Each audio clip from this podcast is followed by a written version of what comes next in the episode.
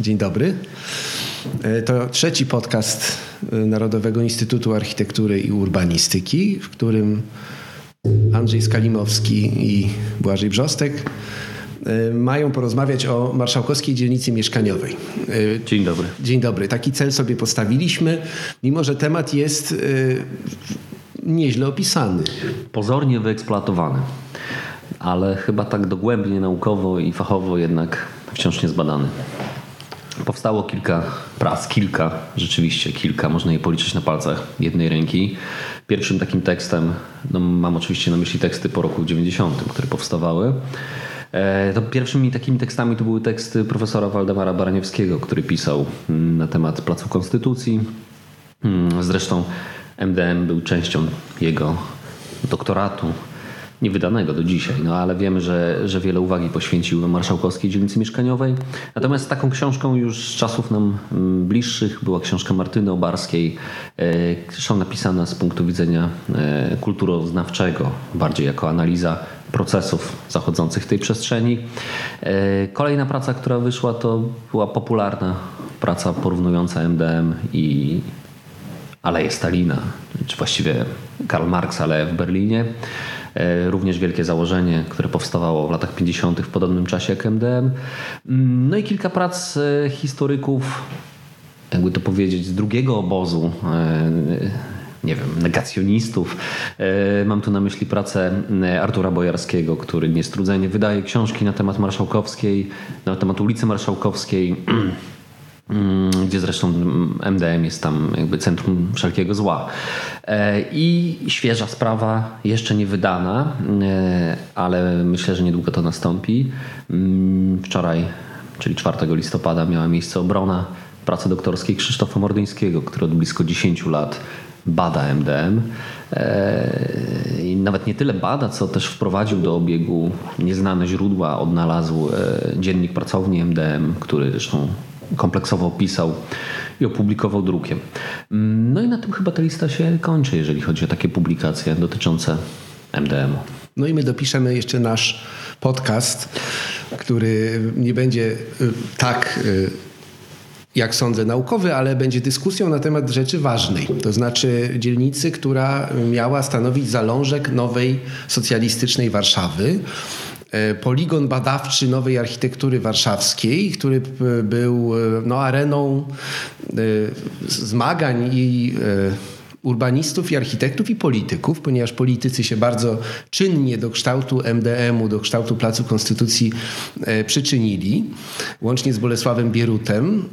To była pokazowa na skalę całej Polski nowa socjalistyczna dzielnica miasta, ale może powiedziałbym na wstępie, że oczywiście nie jedyna, ponieważ w latach 50-55 e, dochodzi do wielu w polskich miastach takich interwencji, gdy buduje się e, nowe centra, fragmenty centrów bądź nowe pokazowe dzielnice. Mam na myśli nowe centrum Białego Stoku, mam na myśli e, bardzo dużą dzielnicę e, centralną Wrocławia, mam na myśli fragmenty Poznania, zbudowane na początku lat 50.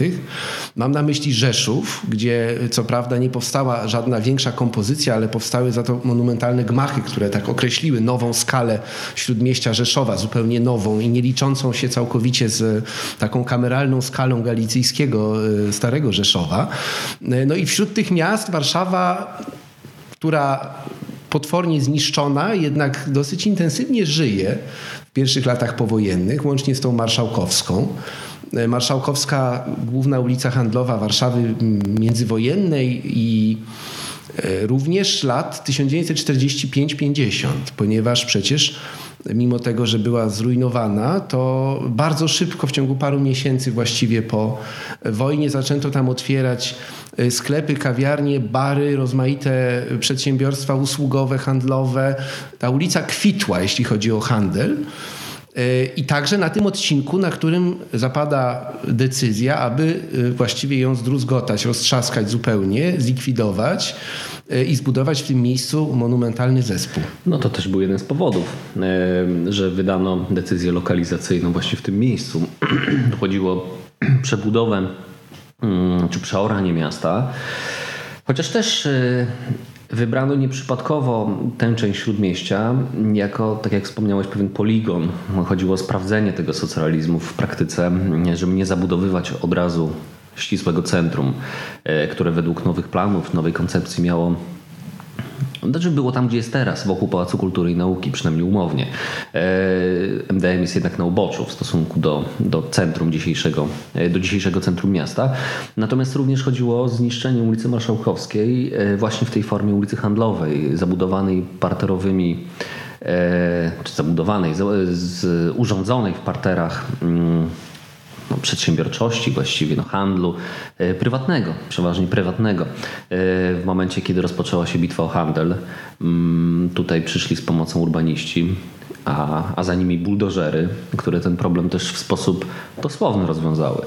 E, to jest jedna ze stron mm, tego całego przedsięwzięcia, o której się rzadko wspomina. Tak, te, te lokale zresztą, co do dzisiaj widać, e, przetrwały tam, gdzie e, zachowały się kamienice XIX-wieczne na dzisiejszych zapleczach MDM-u, czyli powciskane w podwórka fragmenty całości kamienic, które ocalały, które zresztą miały być zburzone w perspektywie czasu, ale nie zostały. No to w ogóle pamięć o tej ulicy Marszałkowskiej, tętniącej życie, życiem handlowej Marszałkowskiej była chyba dość długo żywa według pewnych relacji, przekazów z y, Karpiński, który projektował ścianę wschodnią, e, specjalnie tak zaprojektował te pasaże na zapleczach, e, te pasaże handlowe na zapleczu ściany wschodniej, które miały w jakiś sposób symbolicznie nawiązywać do tej parterowej marszałkowskiej, która tam była po wojnie. E, to jest oczywiście dość luźne skojarzenie, natomiast ono się pojawia we wspomnieniach osób, które brały udział w tym projekcie. W związku z tym ta marszałkowska tuż powojenna, e, tak w gruncie rzeczy brutalnie e, zmieciona, zniesiona z, z powierzchni ziemi, mm, no do dzisiaj, do dnia dzisiejszego jakoś tam w tej pamięci funkcjonuje. I tu wracam do książek Artura Bojarskiego, który właśnie kładzie nacisk na tę stronę. Mm, no, że nie są, to, że nie są to analizy zupełnie bezpodstawne. Tak, tym bardziej, że y, mit parterowej marszałkowskiej niewątpliwie jeszcze długie, długie lata istniał jak każdy mit jest to takie zespolenie elementów wspomnień, e, a także e, życzeń, marzeń e, i fikcji, które mm, staje się z upływem czasu coraz bardziej atrakcyjne. I tak właśnie było, ponieważ e, marszałkowska lat 60., 70., no ulica dość monotonna, gdzie co prawda sklepy były lepiej zaopatrzone niż gdzie indziej, no ale były to sklepy, do których jednak stały kolejki. E, nie przypominała zupełnie tej marszałkowskiej, jaką pamiętała część mieszkańców Warszawy z tych najgorszych lat powojennych. To były najgorsze, najbardziej ubogie y, y, lata Warszawy. Warszawy, która jest gruzowiskiem, gdzie ludzie mieszkają w jamach, y, często wykopanych w tych gruzach, w piwnicach i tak dalej. A jednocześnie, i to jest bardzo zdumiewający fenomen, chociaż wytłumaczalny, natychmiast pojawia się wielka żywotność handlu, odradza się ten handel e, w ten sposób, że są e, zagospodarowywane wszystkie właściwie lokale, jakie można, a co więcej, e, nie tylko właściciele tych lokali czy najemcy, ale też plastycy, i architekci zyskują dzięki temu zamówienia. E, to jeszcze się dzieje zanim pojawiają się wielkie zamówienia państwowe, które wchodzą tak naprawdę w latach 48-9 na większą skalę i na których będą się żywić także plastycy, architekci, projektanci i tak dalej, designerzy, jak to się mówi. No więc w latach 45-47 e, takich państwowych wielkich zamówień jest jeszcze wciąż dość mało i ludzie muszą sobie radzić. No i radzą sobie. I jak sobie radzą? Y, są to piękne wnętrza y, sklepów, kawiarni, restauracji, projektowane przez naprawdę bardzo dobrych y, fachowców, świetnie wykonywane przez rzemieślników. I w tych kawiarniach jest prawdziwa kawa, która pięknie pachnie i która jest przywożona prywatnym importem, przemycana. W każdym razie to życie e, gospodarcze jest takie jeszcze na wpół, e, na wpół swobodne, na wpół dzikie można powiedzieć. Wiele bardzo rzeczy można wtedy. No i tam wtedy właśnie e, jest zarzewie tego mitu żywotnej, wspaniałej, bawiącej się Warszawy tuż powojennej, która potem padnie pod najpierw pod salwami bitwy o handel która się 47. w połowie 1947 roku i która polega na tym, że państwo zaczyna bardzo brutalnie odzyskiwać teren w gospodarce poprzez po prostu narzucanie prywatnej y, przedsiębiorczości takich rygorów, których ta przedsiębiorczość nie jest w stanie wytrzymać. Można powiedzieć, że to był rodzaj lockdownu dla y, prywaciarzy e, wtedy. Także podatkowego. Podatkowego oczywiście. Tak, no więc lockdownu bez wsparcia, a przeciwnie i na miejscu tego gruz, gruzowiska, jakie się pojawia w, w, w, prywatnym sektorze, no wchodzą bardzo szybko przedsiębiorstwa państwowe, które obiecują, że będą e, zaopatrywać ludność przede wszystkim taniej, lepiej i równiej. To znaczy, e, że zniknie ten kapitalista, który otworzył bar e, z kotletami schabowymi i znikną jego klienci, czyli ludzie o nieokreślonych dochodach, którzy sobie te schabowe mogą na co dzień jeść. To odpowiada takiej e, społecznej, no, można powiedzieć, e, presji równościowej tych czasów, więc bitwa o handel zapamiętana jako takie straszne zjawisko przez prywaciarzy niekoniecznie była tak odbierana wtedy przez tak zwane szerokie masy. No i ten pejzaż marszałkowski w roku 1948-1949 staje się coraz bardziej e, smętny w związku z tym. No i wtedy właśnie zapada decyzja, żeby zlikwidować właściwie także i materialną stronę tej ulicy, czyli te partery i wejść z wielką architekturą. I tutaj się pojawia zespół naczelnego architekta Warszawy Józefa Sigelina, który jeszcze w roku 1950, kiedy zapada decyzja polityczna, chociaż to też jest bardzo ciekawe, ona nigdy formalnie nie zapadła. Nie ma żadnego śladu, żadnej daty, e, pomimo tego, że dyskutowano to na posiedzeniu biura politycznego KCPZPR, nie jesteśmy w stanie ustalić, kiedy ostatecznie zapadła decyzja o budowie marszałkowskiej dzielnicy mieszkaniowej. To oczywiście nie jest aż tak istotne, wiemy, że był to rok 50. Natomiast z takiej rzetelności kronikarskiej e, no, chciałoby się tę datę poznać. Nie jest to możliwe, a przynajmniej e, nikomu się do tej pory nie udało. W każdym razie to jest rok 50. Kończy się, czy otwarta już jest trasa WZ, wielka arteria nowoczesna, e, biegnąca od ulicy Radzymińskiej aż po krańce Woli, z tunelem w rejonie staromiejskim, właściwie no z tunelem pod płytą placu zamkowego. No, nieprawdopodobna ingerencja z punktu widzenia nawet dzisiejszej, e, dzisiejszych możliwości technicznych, technologicznych i na fali tego e, entuzjazmu władze postanawiają rozpocząć wielką przebudowę śródmieścia. E, z tym, że trzeba przypomnieć, że w roku 1949 zostaje zadekretowany w polskiej sztuce i w architekturze socrealizm na wzór sowiecki, który oczywiście ma w założeniu, ta sztuka ma być tworzona w realistycznej formie i być wypełniona socjalistyczną treścią. Cokolwiek to znaczy, nikt tak naprawdę nie wiedział. Do dzisiaj toczą się spory. Niektórzy uważają, że to był po prostu historyzm, eklektyzm. Pozostawmy to. W każdym razie doktryna zaczęła obowiązywać właśnie w początku roku 50. I ta nowa dzielnica mieszkaniowa, to jest istotne, e, miała być już zniesiona w, w myśl postulatów tej doktryny. W związku z tym zabudowa pierzejowa w przeciwieństwie do modernistycznej zabudowy rozluźnionej. E, to jest ciekawe, myślę, że o tym coś powiemy również. Szerokie ulice, place, e, cała ta kompozycja w gruncie rzeczy dość tradycyjna e, z punktu widzenia urbanistyki. To wszystko miało znaleźć jakieś odzwierciedlenie w w Nowej Warszawie, w, znaleźć swoje miejsce w Nowej Warszawie. I tak jak powiedziałem, e, rozpoczęto w południowym śródmieściu realizację tego wielkiego projektu, niejako na próbę.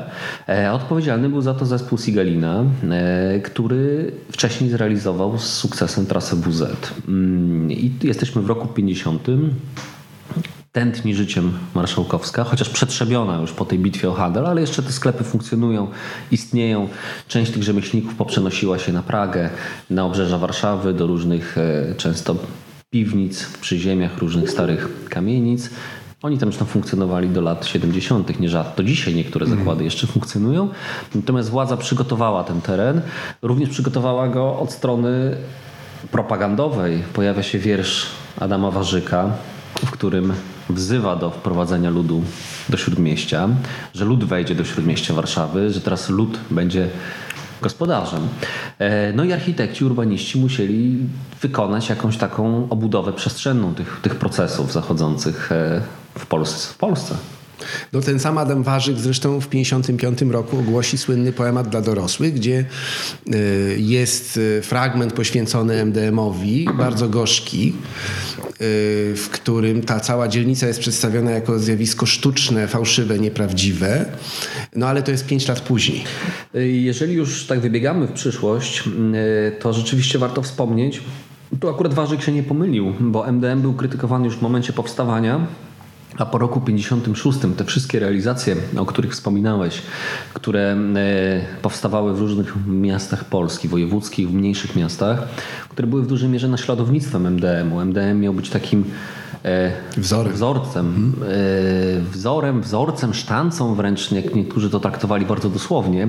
I kiedy lokalnym architektom brakowało talentu autorów pierwowzoru, to wychodziły rzeczy dość ułomne. I już w roku 54-55 e, to zjawisko budowania w małych miejscowościach według starych technologii budynków oblepionych sztukateriami, kolumienkami, często przeskalowanymi, często prefabrykowanymi, było określane mianem MDMizmów i jako pewnej toczącej polską architekturę i urbanistykę choroby, z którą należało walczyć. MDM jeszcze nie był ukończony, a już był krytykowany. Tak, no y, ja sądzę, że warto zrobić tu taką glosę dotyczącą w ogóle socrealizmu, tego y, czym on był. Y, W socrealizmie była wewnętrzna sprzeczność, która wywoływała mnóstwo napięć rozmaitych, politycznych także. No, socrealizm był pewną doktryną, która nie dawała gotowych recept, e, nie odpowiadała na pytanie, jak tak naprawdę należy rysować projekty budynków, albo e, jak należy rzeźbić, albo jak należy malować.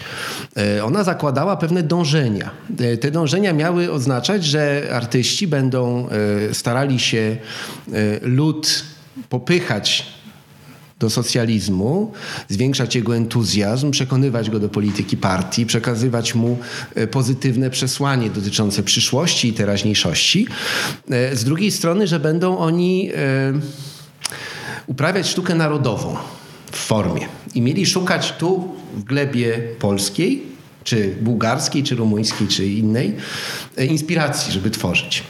Wytwarzało to takie zjawisko napięcia, ponieważ z jednej strony socjalizm zakładał naśladowanie Związku Radzieckiego, no to była doktryna stamtąd importowana, a wszystko, co powstawało w Związku Radzieckim było przyjmowane bezkrytycznie. Właściwie w latach 50-55 nie było możliwości, żeby napisać negatywną recenzję na temat jakiejś powieści radzieckiego pisarza e, albo krytykę jakiegoś budynku zbudowanego w Moskwie albo e, w Leningradzie.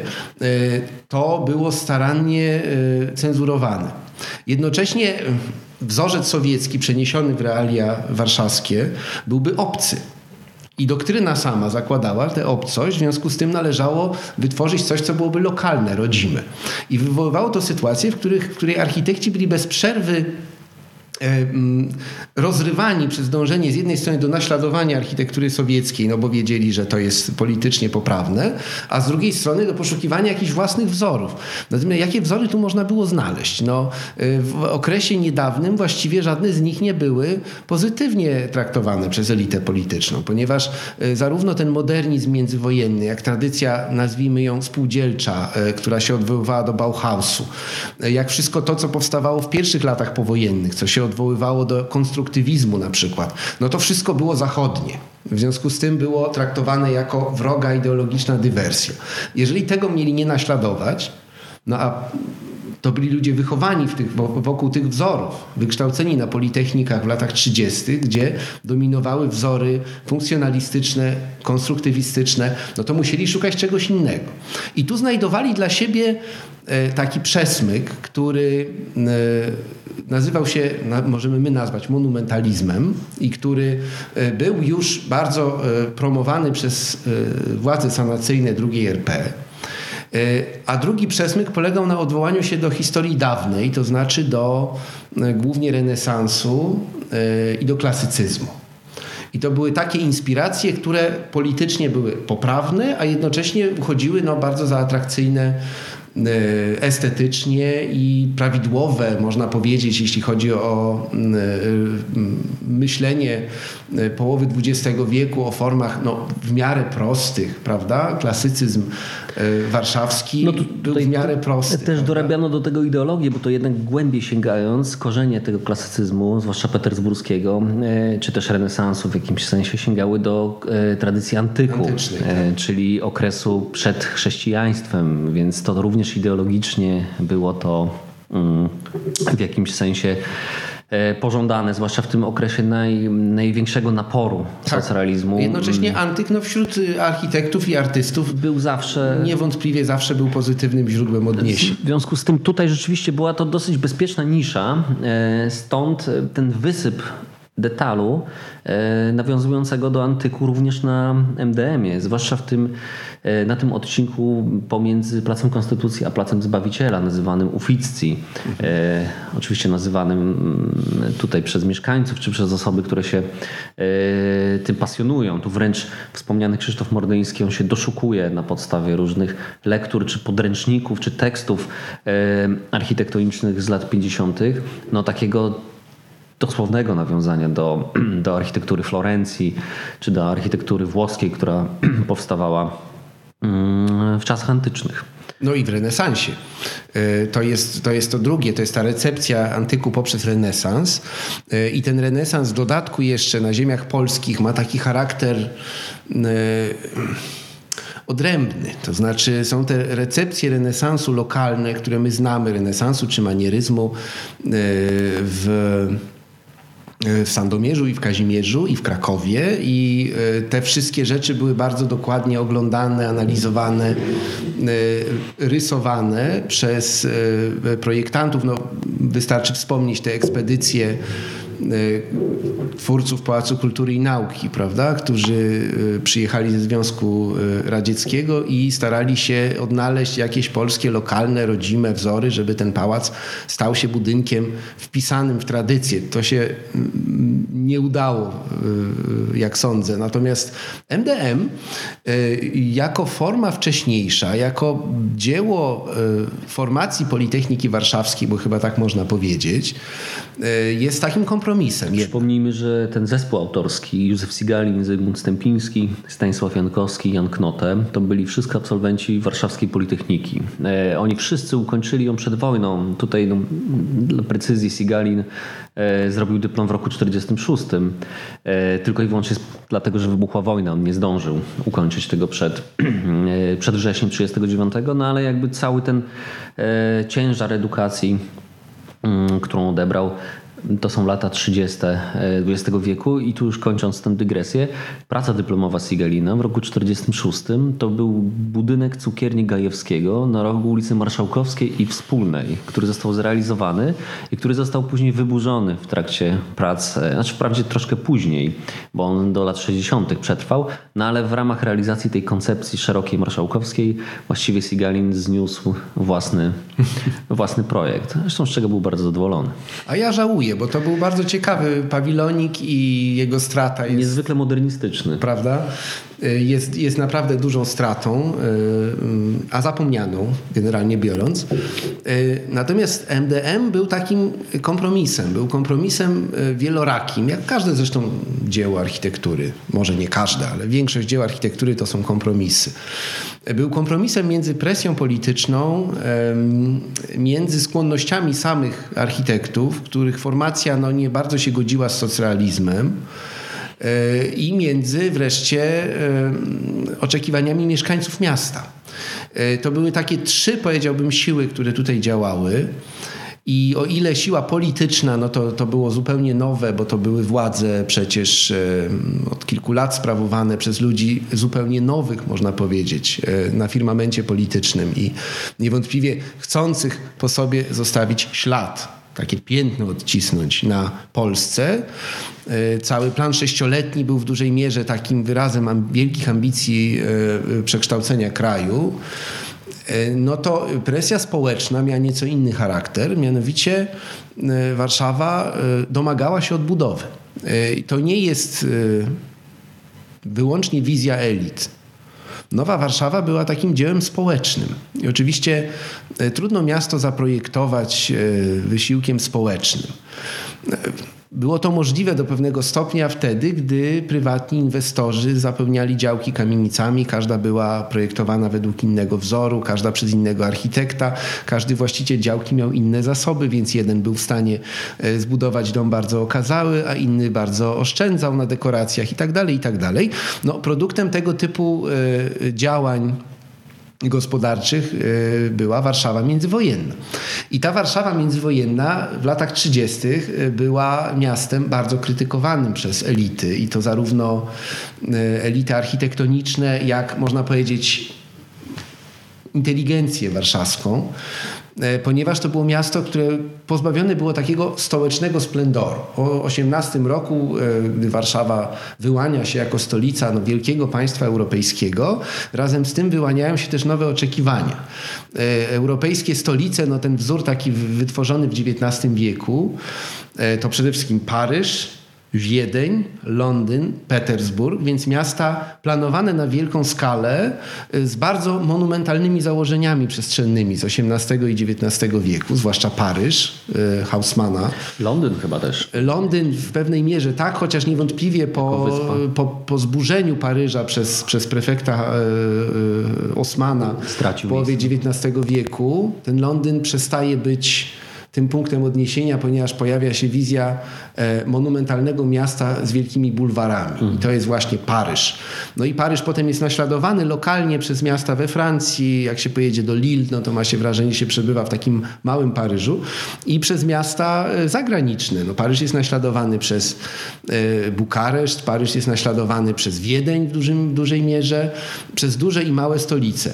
No a Warszawa w XIX wieku a w każdym razie po roku 1831 e, takich stołecznych możliwości nie posiada, bo jest miastem rządzonym jako miasto prowincjonalne e, Imperium Rosyjskiego.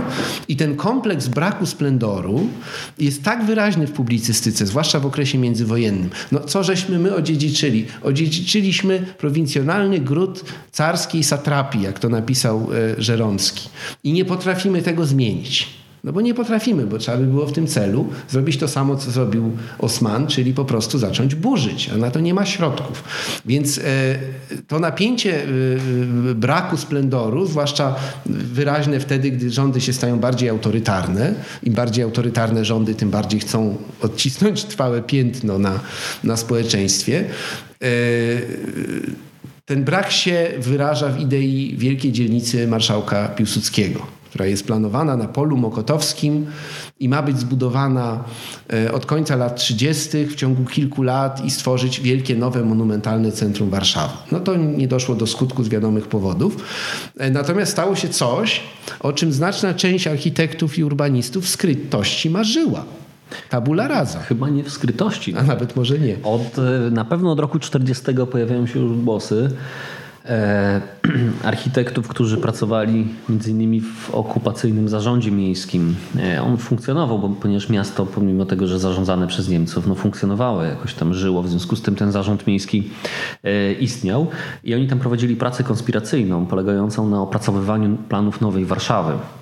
Formalnie pracowali tam w wydziale budowlanym, zajmowali się jakimiś sprawami bieżącymi, remontem budynków, a po tak zwanych godzinach e, projektowali nowe miasto i oni wyrażali dość, dość czytelne mm, oczekiwania, co oczywiście teraz no, brzmi strasznie z perspektywy tego, co się wydarzyło w roku 1944, 1945 i jak Warszawa wyszła z wojny.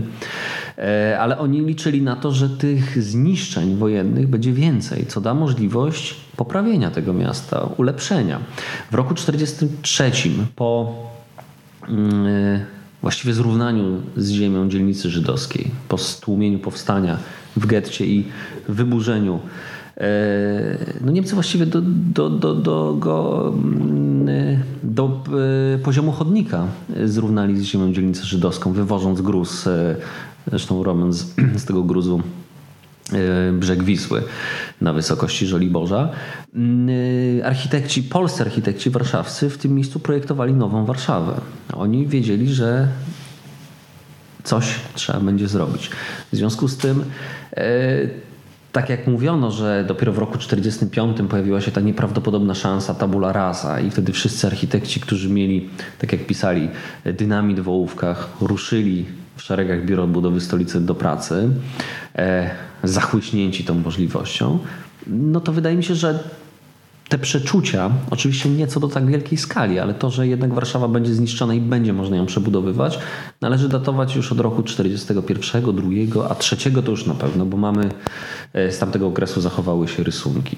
E, w związku z tym ten rok 45 mm, jest rzeczywiście punktem zerowym, startem, ale już wydaje mi się, że z pewnymi przemyśleniami i z pewnym nastawieniem, e, które bardzo czytelnie zresztą odczytała władza to jest to, o czym mówiłeś, władza oczekiwała, ta nowa władza, ale podobnie jak stara, oczekiwała splendoru, monumentalizmu, pewnego materialnego wyrazu też jakby niesionych przez siebie zmian społecznych, tak ładnie wówczas pisano. E, to było jedno z określeń. Drugie to musiało być odpowiednie napięcie ideologiczne na elewacji wytworzone. To jest ta nowomowa. Natomiast to był pewien splot czynników politycznych, pewnych ambicji, oczekiwań, e, pragnień, także właśnie jednostkowych architektów i w roku 1945 to się staje możliwe.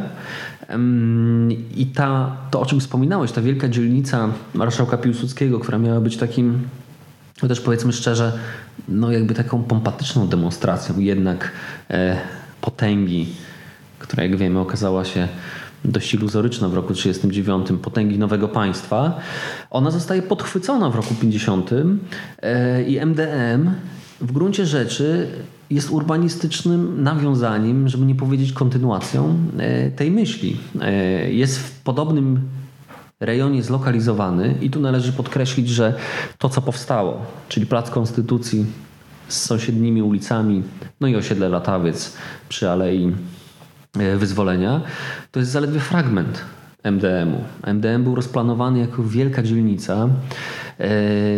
Właściwie no, cała południowa Warszawa miała być, mm, to miał być MDM, który zaczynał się no właściwie tak zależy z której strony patrzeć, ale, ale daleko za polem mokotowskim na południe i kończyć miał się właściwie w miejscu Huty Warszawa.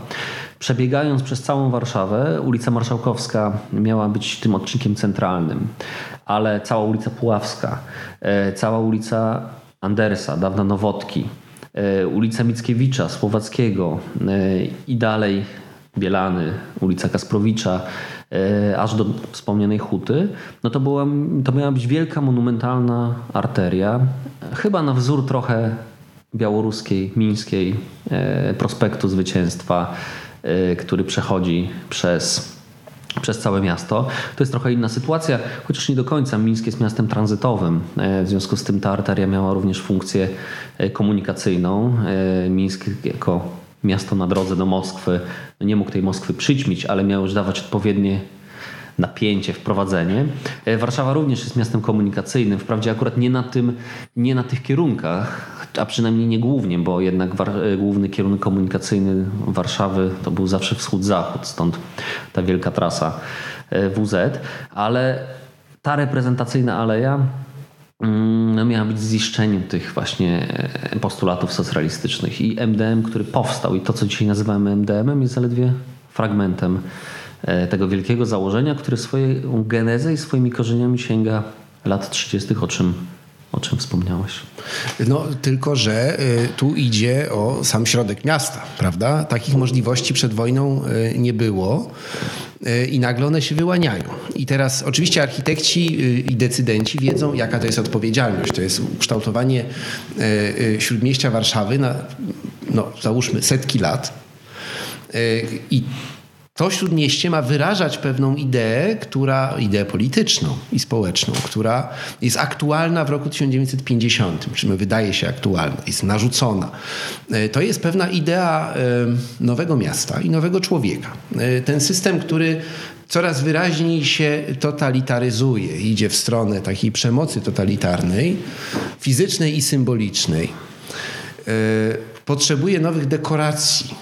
I te dekoracje zarazem mają podtrzymywać następnie siłę tego systemu. Co zbudowane z kamienia, to się ostanie i będzie pokazywać bardzo długo pewne idee i pewne sposoby życia, które są propagowane.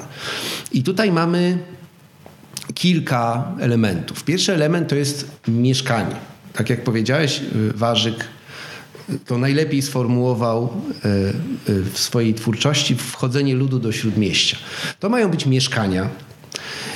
O ile międzywojenna dzielnica Piłsudskiego miała przede wszystkim charakter biurowo-ministerialny i urzędowy, to M ma mieć charakter mieszkaniowy. To w nazwie zresztą już jest pokazane. I to mają być mieszkania z przydziału. To jest zupełnie nowe miasto, to nie jest miasto kapitalistyczne, tutaj nie ma e, rządów kamieniczników, tutaj są światłe e, i rozsądne rządy e, polityków.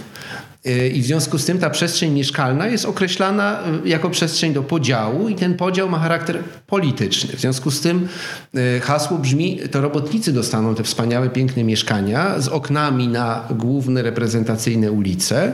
Będą mieli pod oknami e, wszystko, co im potrzeba do życia, czyli lokale rozrywkowe, gastronomiczne, kina, sklepy, to wszystko będzie zaprojektowane na najwyższym poziomie e, i e, będzie także imponujące. Ja chcę powiedzieć o tym jeszcze później pewnie, to znaczy o tak zwanym programie handlowo-usługowym, który był rzeczywiście imponujący, bo to są ogromne lokale z antresolami, czyli dwupoziomowe. To są bardzo kosztownie wyposażane sklepy, Y, i y, lokale gastronomiczne i to wszystko ma służyć ludziom pracy.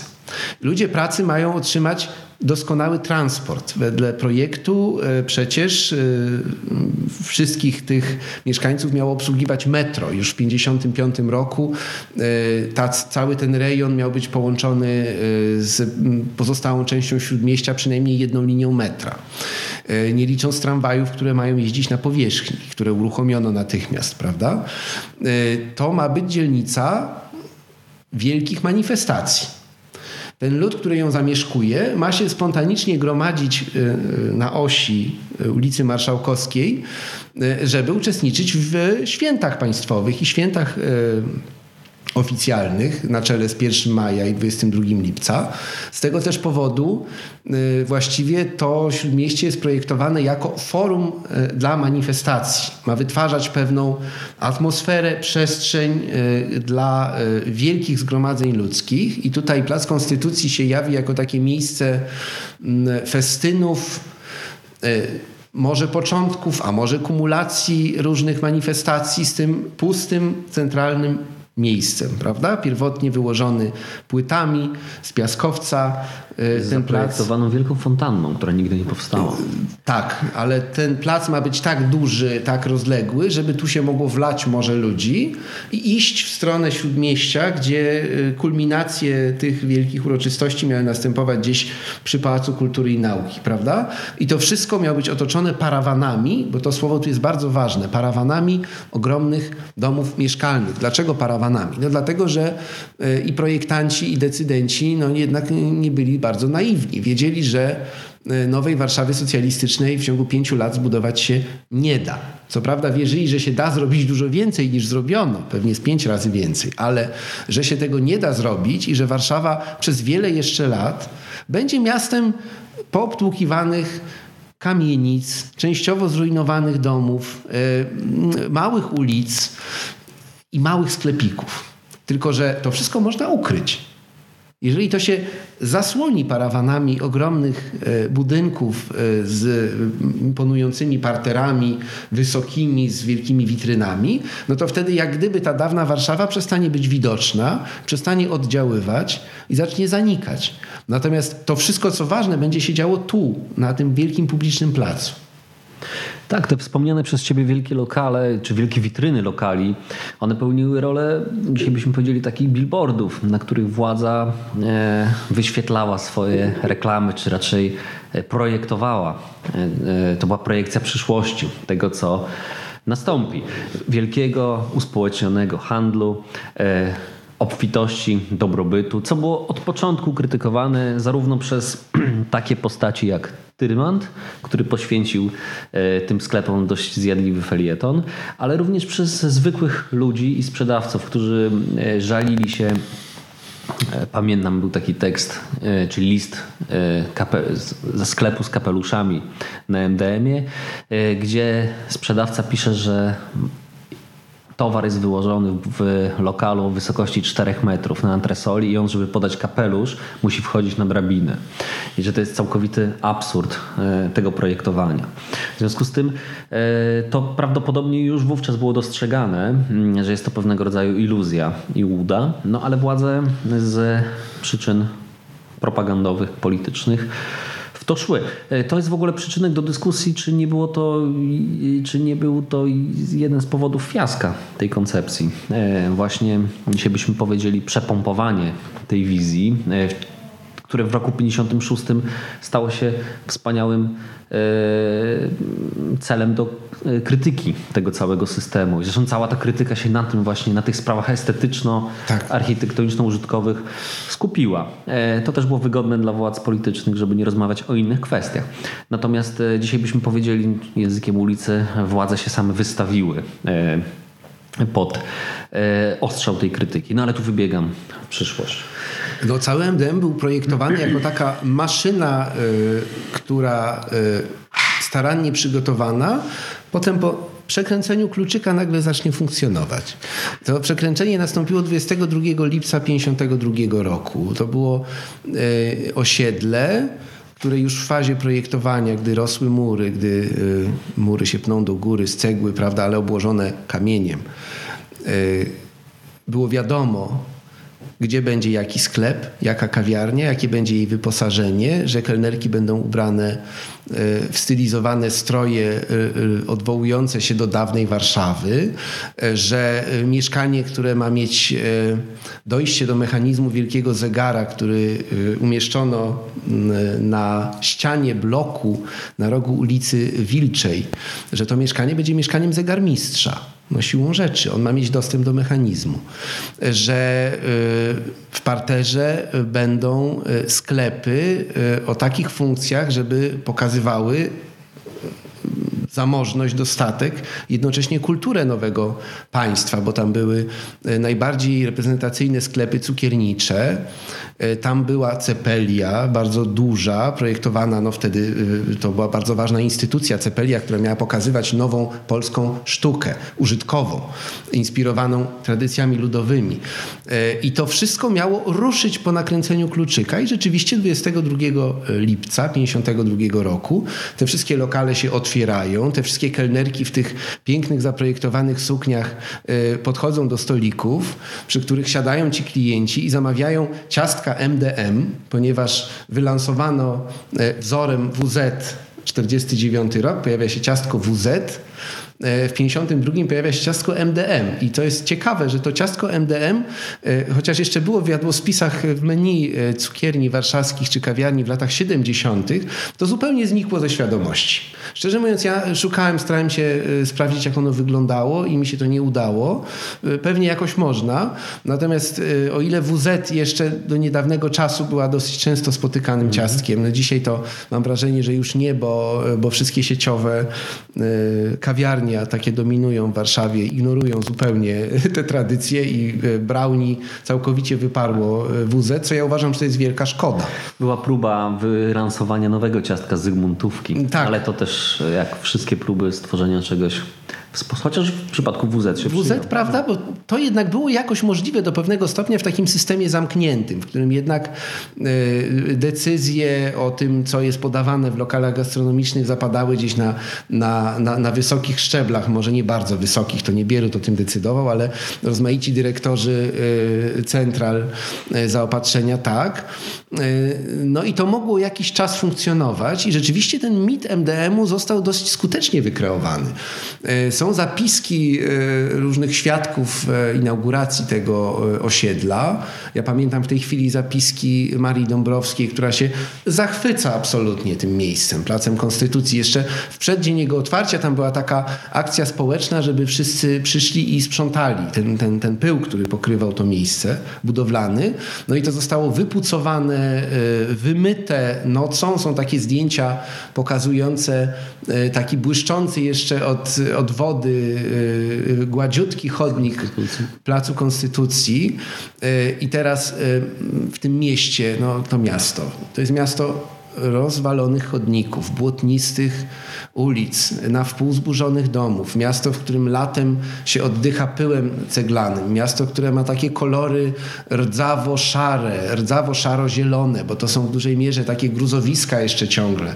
Także w Śródmieściu, zasłonięte parkanami z desek, albo i nie zasłonięte, gdzie e, ten pył się ciągle unosi, gdzie porastają chwasty. No, wyjście na taki biały, obłożony pięknym e, piaskowcem, e, czyściutki plac e, Konstytucji musiał być przeżyciem naprawdę bardzo, bardzo mocnym. Takim było i to zresztą takie było zamierzenie, żeby w ten sposób przyciągać ludzi w gruncie rzeczy krytycznych wobec komunizmu, czy wobec tego, co się w kraju dzieje po wojnie. No i mało, mało kto pozostawał obojętny na, na taki widok. To ten sam zamysł towarzyszył e, wyborowi mm, Piaskowca jako okładziny domu partii. Chodziło o to, żeby ten budynek był jasny, biały, żeby on się kojarzył no, z czymś lepszym, żeby kontrastował właśnie z tą zniszczoną, burą, zapyloną Warszawą. Plus oczywiście wszystkie Mm, ideologiczne wątki oświeceniowe. Tutaj również należy brać pod uwagę, które są były bardzo widoczne e, przy rekonstrukcji, czy właściwie przy budowie Starego Miasta, gdzie tam sięgnięto po nie w sposób dosłowny, tworząc e, polichromię mm, kamienic rynkowych na wzór tych z roku 1920, kiedy, z 28, przepraszam, kiedy na dziesięciolecie niepodległości władze rozpisały konkurs e, na dekoracje kamienic staromiejskich e, i one były wykonywane pod kierunkiem Zofii Stryjeńskiej. Nie przetrwały wojny poza polichromią Zofii Stryjeńskiej w kamienicy pod Lwem e, i odtwarzając je władze no oczywiście nie otworzyły polichromii przedwojennych, natomiast sięgnęły po motywy oświeceniowe, e, właśnie kojarzące się z rozumem, kojarzące się z pewnego rodzaju postępem, a z punktu widzenia nowej władzy motywy bezpieczne, bo odległe. E, I to wszystko razem się składa na pewien przemyślany proces, w którym e, wspomniane przez Ciebie białe, piaskowcowe elewacje no, odgrywały niezwykle istotną rolę. E, to oczywiście nie było komunikowane wprost. To miało być, to miało być rozumiane samo przez się. I jeżeli tacy ludzie jak, jak Maria Dąbrowska, która zresztą w liście do mm, Stępowskiego pisała, że Warszawa dostaje co roku jakiś nowy prezent. E, między innymi właśnie ten wspaniały MDM, później tę wspaniale odbudowaną starówkę. E, trudno tutaj e, podejrzewać, że jej entuzjazm nie był szczery. Myślę, że jak najbardziej. Tak, z całą pewnością. E, zresztą Warszawa... Pomimo no... tego, przepraszam, że y, mieszkała w kamienicy przy ulicy Polnej, przedwojennej kamienicy, która była bezpośrednio zagrożona rozbiórką w czasie tak. budowy y, e, MDM-u. Tu zresztą są pewne podejrzenia, które na, można je na podstawie zapisków samej Dąbrowskiej y, postawić taką hipotezę, że ten, ta kamienica przy ulicy Polnej, w której mieszkała mm, Maria Dąbrowska nie została zburzona właśnie z uwagi na to, że mieszkała tam Maria Dąbrowska. Ona pisze, opisując jedno ze spotkań u Bolesława Bieruta, na którym był obecny Sigalin, opisuje, że podszedł do niej, ona nie wiedziała, kim jest Sigalin, e, podszedł do niej Sigalin i powiedział, że proszę się nie martwić, ta pani kamienica nie będzie zburzona. Oczywiście być może to jest zbyt daleko idąca e, interpretacja, no niemniej pokazuje, że również te styki mm, mm pewne, pewnych elit, ludzi kultury, e, polityki, pragmatyzmu dnia codziennego, to wszystko się mieszało. No i to sprawia, że to jest nieprawdopodobnie ciekawe.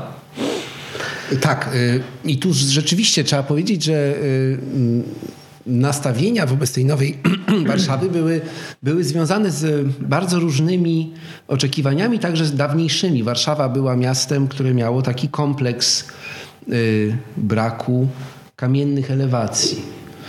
Y, zresztą to jest bardzo ciekawe, bo to jest bardzo stare zjawisko. Y, mm, Warszawa XVIII-wieczna była opisywana przez niektórych odwiedzających ją cudzoziemców jako takie miasto, które y, naśladuje w swoich pałacach arystokratycznych styl włoski, ale robi to w cegle i tynku. I XIX wiek i okres międzywojenny to jest taki czas, gdy ten brak kamienia, który się wydawał znamieniem no, takiej trwałości, solidności miasta, y, był tematem różnych, różnych rozważań i różnych prób zmiany tego stanu rzeczy. Y, najbardziej luksusowe i najważniejsze budynki Warszawy II Rzeczypospolitej były okładane kamieniem i to od stóp do głów. Y, wspomnę Dom bez kantów przy krakowskim przedmieściu. Krakowskie, no, do dzisiaj jeszcze widać tę cechę, chociaż w nieco mniejszym stopniu niż przed wojną. Krakowskie też jest tynkowo ceglane. I nagle wchodzi tutaj architektura okryta takim płaszczem piaskowca, lśniącego. Dom bez kantów został bardzo starannie odnowiony w ostatnich czasach i widać teraz znowu ten blask. To były luksusowe kamienice lat 30. Y, gdy właściciel parceli miał dostateczne środki i klientów y, dla mieszkań y, o dostatecznych dochodach, no to wtedy pokrywał fasadę kamienicy kamieniem.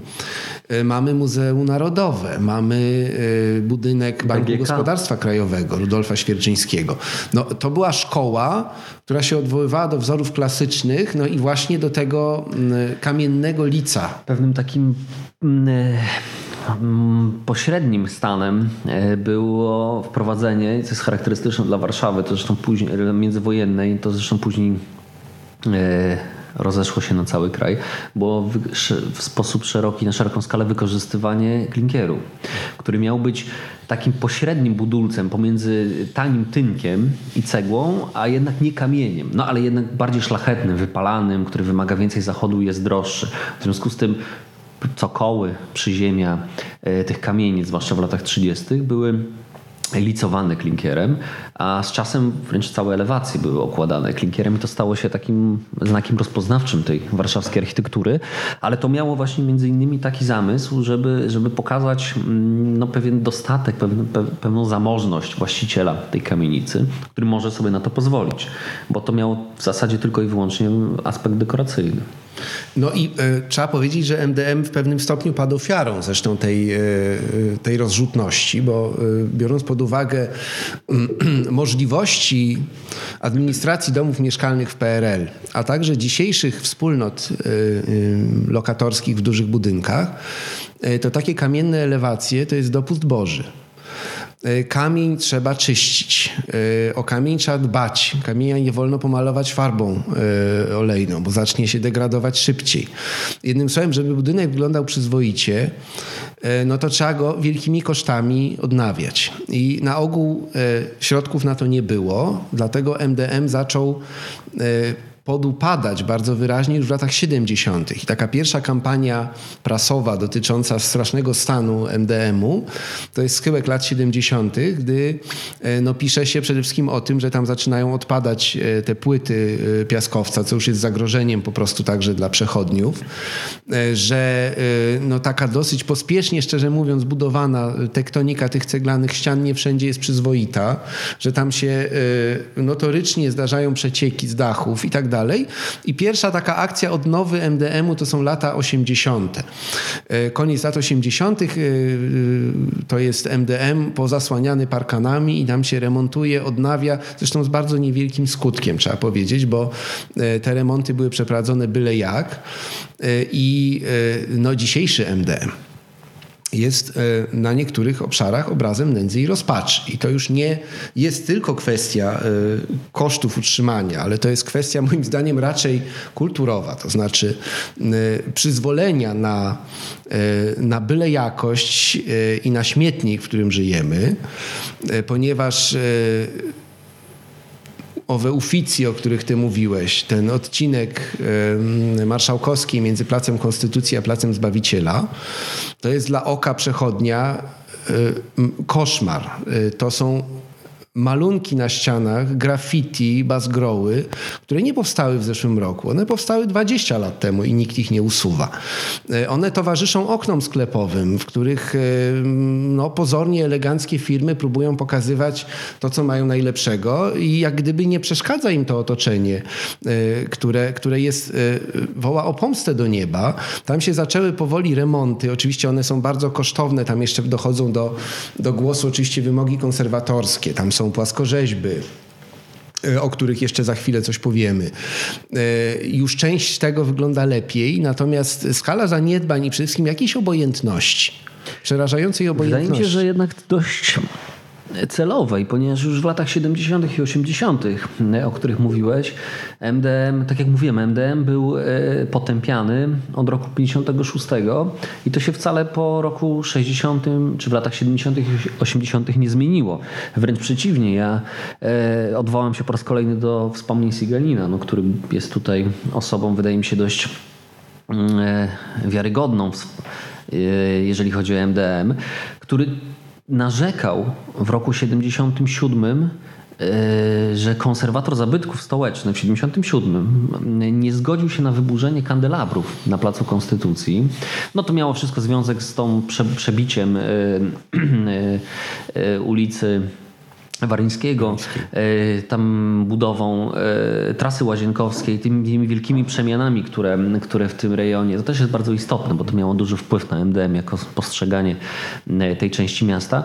Sigalin żalił się, że nie można wyburzyć czegoś, co było zaprojektowane jako rzecz tymczasowa, ponieważ te trzy wielkie kandelabry, one tam stanęły w miejscu pomyślanych, bo nawet nie zaprojektowanych, trzech wielkich monumentalnych rzeźb. Stolica, Pomorze, i Śląsk, jeżeli dobrze pamiętam, socrealistycznych. Ich nie udało się wykonać na czas, nie udało się ich w ogóle wykonać, chociaż konkurs był rozpisany. E, w związku z tym architekci, konkretnie Jan Knote, zaproponował w tym miejscu trzy takie wielkie świeczniki, mm, które miałyby być tymczasowym rozwiązaniem. No i jak to bywa, stały się rozwiązaniem trwałym. I kiedy w latach 70. pojawiła się koncepcja ich usunięcia, konserwator stołeczny nie zgodził się. To jest bardzo ciekawe w ogóle, bo to jest naprawdę niewielka perspektywa czasowa, niewielki bufor czasowy, a już wówczas dostrzegał w tym pewną wartość. Na szczęście dzisiaj mamy, mamy te kandelabry pewnie dzięki tej decyzji.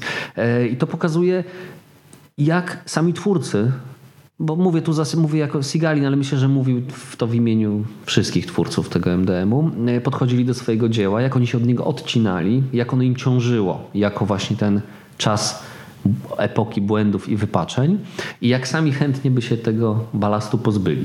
W związku z tym trudno jest wskazać w latach 70. i 80 jakichś obrońców tego, tego kompleksu, jakieś grupy e, wpływu, no poza tym konserwatorem, e, które by wystąpiły w obronie tego MDM-u. Wówczas budowano mieszkania w latach 60., mieszkania spółdzielcze, mieszkania tanie, funkcjonalne, jak to wówczas nazywano. Tu również warto byłoby wspomnieć w ogóle o e, składzie społecznym MDM-u, ponieważ te mieszkania, one były budowane, projektowane w początku lat 50., oczywiście w domyśle dla robotników, e, egalitarne, ale to były mieszkania projektowane jeszcze, wydaje mi się, ze sposobem myślenia przedwojennym. To były mieszkania, te większe zwłaszcza, były wyposażone w służbówki. To jest coś, co przecież w latach 60. jest już absolutnie nie do pomyślenia i wydawałoby się, że w latach 50. jest już anachronizmem. A jednak.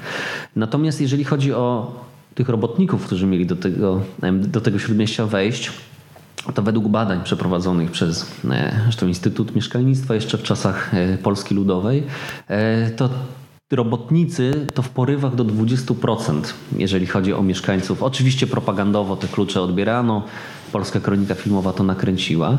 Natomiast MDM poza Placem Konstytucji, bo my cały czas mówiąc MDM mam wrażenie myślimy i to jest jakby rzecz zupełnie naturalna, myślimy o Placu Konstytucji, no ale jednak nie, no to się przecież MDM biegnie aż do Placu Unii Lubelskiej. Tak.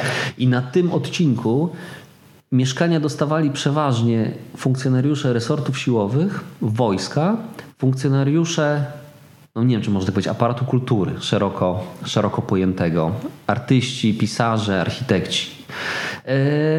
No i pracownicy średniego szczebla aparatu partyjnego.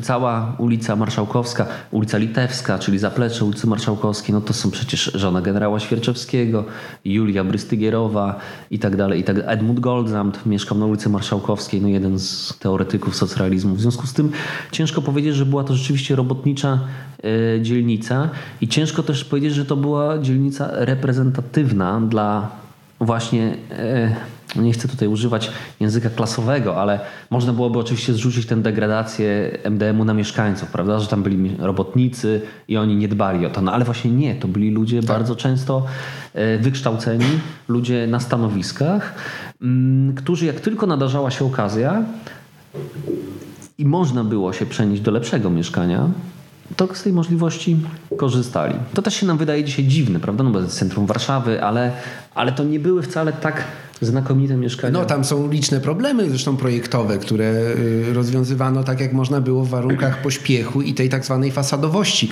Najważniejsza była fasada. To doprowadziło do tego, no do skrajnej sytuacji takiej, że na y, MDM-ie były lokale pozbawione okien tak. zupełnie. Albo okna wy, wypadały w połowie, znaczy strop wypadał w połowie okna. W połowie okna, tak, bo najważniejsza była fasada.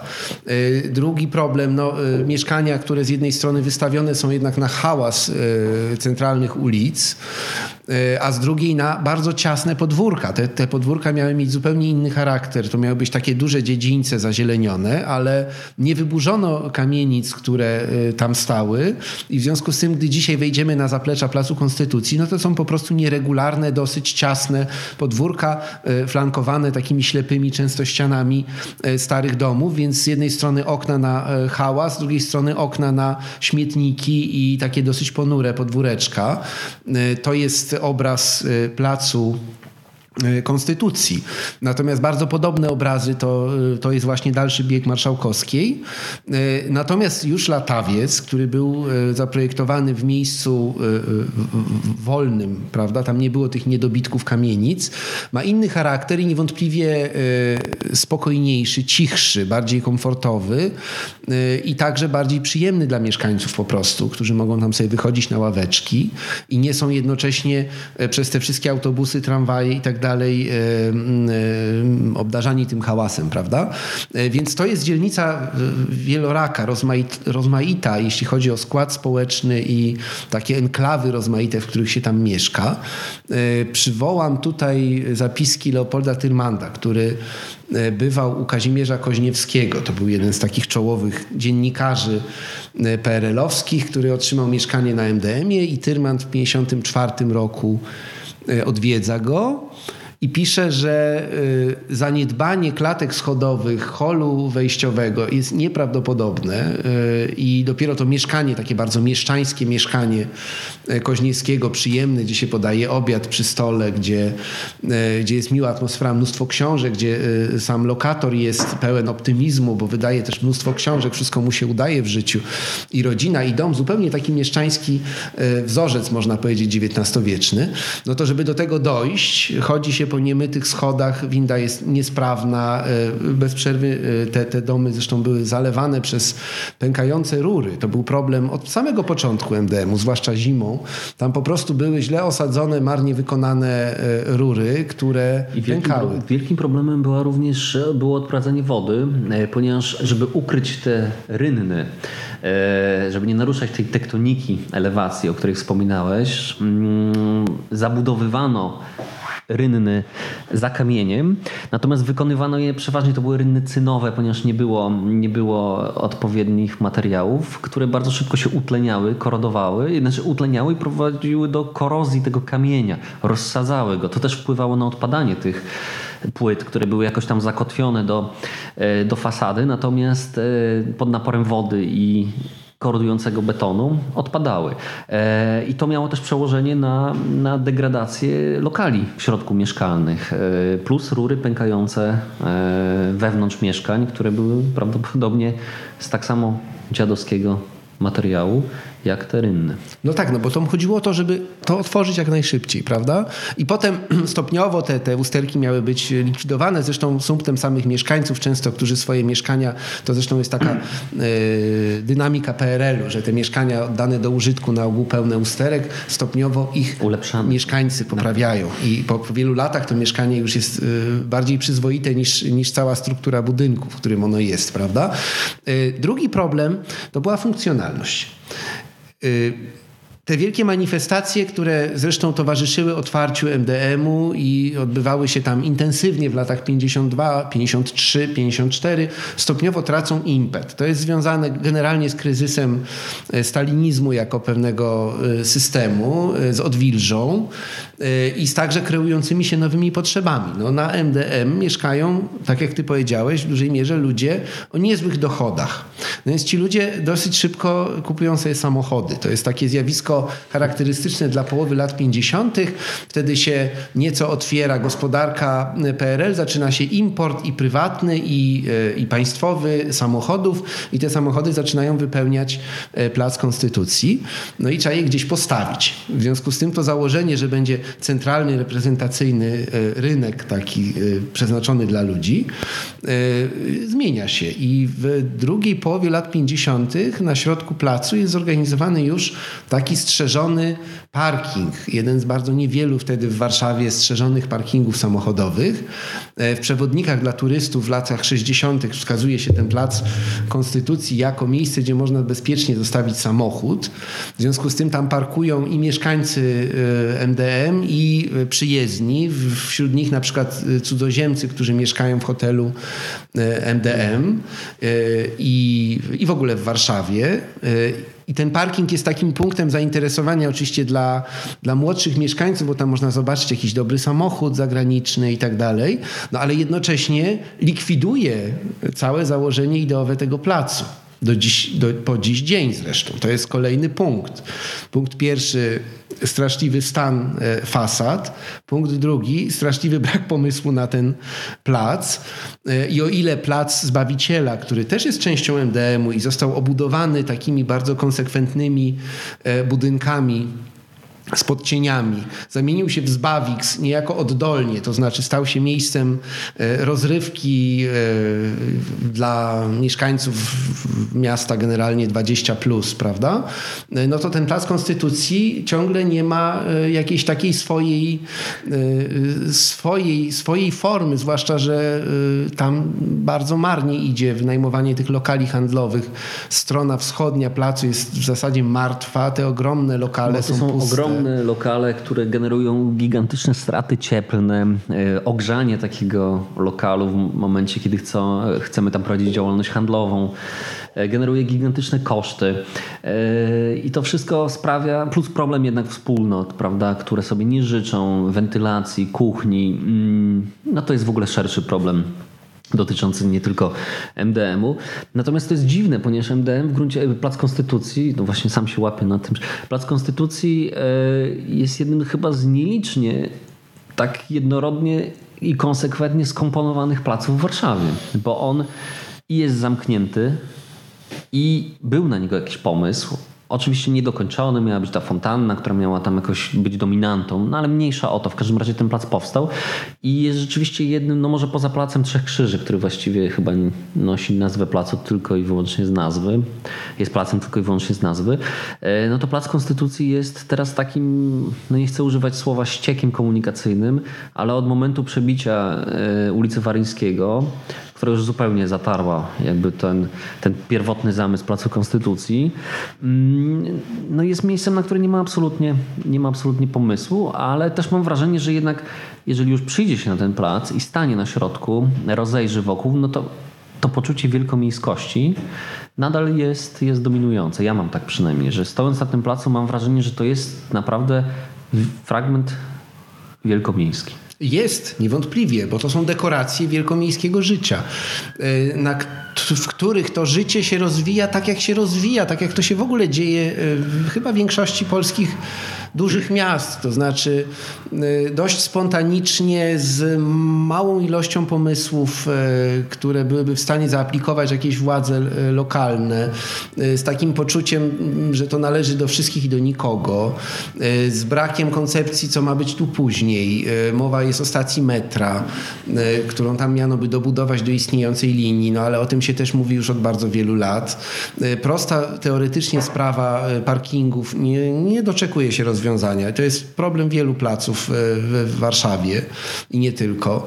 E, więc e, Sądzę, że nie mamy mm, powodu do jakiegoś optymizmu, jeśli chodzi o los MDM-u w najbliższych latach, z tym zastrzeżeniem, że niewątpliwie po pierwsze sam obraz, samo e, mm, wyobrażenie o tego typu e, architekturze i dzielnicy znacząco się zmieniło. Stosunkowo niewiele osób dzisiaj chciałoby na przykład MDM burzyć albo go przebudowywać. Wydaje mi się, że on stał się już taką ikoną jednak miasta, jedną z ikon miasta i takim miejscem, które podlega ochronie. W związku z tym zyskuje też pewien, pewne uznanie w kręgach osób, które się tym interesują. No, plus ma ten swój wielki potencjał, który na razie jest wykorzystywany moim zdaniem cząstkowo, natomiast no niewątpliwie on istnieje i e, można, można mieć nadzieję, że zostanie jakoś lepiej spożytkowany.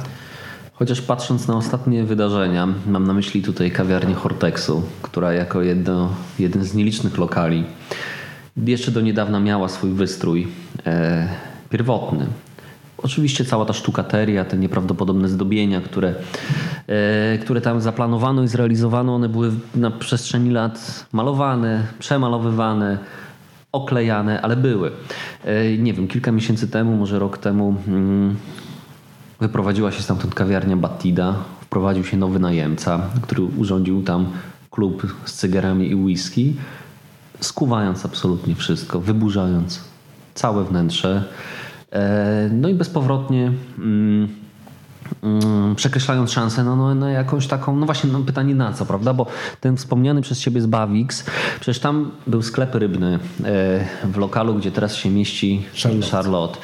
Nie wiem, a wiem, że pamię pamiętam, że była koncepcja zakrycia tych, tej mozaiki, która tam, e, która została wykonana. Była piękna mozaika przedstawiająca ryby, jak to w sklepie rybnym. E, I wydaje mi się, że ona została uratowana, ona została jest, zakryta. No właśnie. Jest. Nie jest, chyba nie, czy jest eksponowana? Jest, widać, jest, tak. Nie byłem tam dawno. Natomiast no, to jest właśnie pozytywny przykład, prawda? Jeżeli e, najemca nie ma pomysłu w danym momencie na, na wykorzystanie, no to może to w jakiś sposób zakryć. Tak. Ale pozostawiając szansę. No tak, na... ale najemcy ktoś powinien też przeszkodzić. E, ale kto? Bo problem Właśnie. polega na tym, że Plac Konstytucji, cały zespół MDM-u w obrębie Placu Konstytucji został objęty ochroną konserwatorską, która nie dotyczy wnętrz. Nie dotyczy wnętrz lokali. One pozostają w zarządzie wspólnoty właściciela. No to choćby i wspólnota. No choćby i wspólnota. Ktokolwiek e, jest w stanie wynajmować, ten powinien się starać i dbać. Natomiast destrukcja jest rzeczą złą i zwłaszcza destrukcja e, dzieł e, plastycznych czy architektonicznych, które mają swoją tradycję i swoją solidność. Na ogół to polega na zastępowaniu lepszych materiałów gorszymi w takich sytuacjach. I to są straty po prostu nie do nie można ich w żaden sposób e, okupić, nie wiadomo w jaki sposób. Zwłaszcza, że to są zmiany y, i efekt tych zmian jest niezwykle krótkotrwały, zazwyczaj e, również nie przynosi jakiegoś większego sukcesu a jest niemożliwy do nadrobienia. Mam na myśli tutaj na przykład e, mozaikę nieistniejącą już w budynku domu handlowego Merkury na Żoliborzu, która przetrwała szczęśliwie lata 90., początek lat 2000 E, na klatce schodowej wyłożona tak. takim tłuczonym, e, tłuczoną ceramiką, mm, nawiązującą zresztą do motywów kubańskich, no jak to, jak to nazwa sama wskazuje. I ona została kilka lat temu przez jednego z najemców, a tych, ci najemcy się zmieniają dość szybko, została bezpowrotnie zniszczona. I dzisiejszy najemca, który ma inny pomysł na to miejsce, myślę, że z powodzeniem by ją wykorzystał. Oczywiście on ma dobry pomysł, przywrócił, czy naśladując, y, przywrócił neony y, z lat 60., y, nazwę lokalu, stara się wykorzystać jak najlepiej tę przestrzeń, tak dopasować ją też do charakteru budynku późnomodernistycznego. No i to są dobre wzory. Tylko te wzory oczywiście można je naśladować, natomiast nie ma żadnego sposobu jak dotąd, żeby wymuszać na tych, którzy chcą niszczyć, zaprzestanie takich działań. I to jest jeszcze przy tej okazji rzecz, którą trzeba powiedzieć. Bardzo się martwię o y, dawny lokal Lajkonika y, na Placu Trzech Krzyży w którym była sieciowa kawiarnia i ta kawiarnia odsłoniła zasłonięte płytami gipsowymi malunki na ścianach E, wykonane przez bywalców kawiarni Lajkonik w połowie lat 50. E, I to nie byle jakich bywalców, bo plastyków e, Gronowskiego między innymi. I one tam były wyeksponowane w tej sieciowej kawiarni. Ona się wyprowadziła parę miesięcy temu. Lokal stoi pusty. Bardzo się boję, że pojawi się najemca, który tego nie zasłoni, tylko po prostu skuje. Dobry przykład tutaj dało Muzeum Warszawy kilka lat temu, które przeniosło do swojej siedziby e, fragmenty tynków e, z rysunkami pozostawionymi przez twórców w siedzibie wydawnictwa Iskry e, na ulicy Smolnej. Kiedy stamtąd Iskry się wyprowadzały, pojawił się rzeczywiście problem, co zrobić z tym, prawda? No bo właściciel, nowy właściciel, nowy stary właściciel tego mieszkania, tego lokalu nie miał na to pomysłu, nie chciał tego. Mm, alternatywa była taka, albo to zabrać, albo zniszczyć. I Muzeum Warszawy w trakcie swojego remontu, swojej siedziby znalazło na to środki, znalazło fachowców, którzy przenieśli to. No to oczywiście zostało to wyrwane z pierwotnego kontekstu. To jest wielka dyskusja, prawda, na, na ile takie rzeczy z punktu widzenia konserwatorskiego należy robić, na ile one mają sens. No to jest w ogóle wielki spór już początku od XIX wieku, bo przecież według doktryn XIX-wiecznych zabytków się w ogóle nie odbudowuje. Gdyby tak. myśleć tymi kategoriami, to Warszawy, Starego Miasta w ogóle nie można było rekonstruować, bo byłoby to fałszerstwo. I przez niektórych tak to jest zresztą traktowane.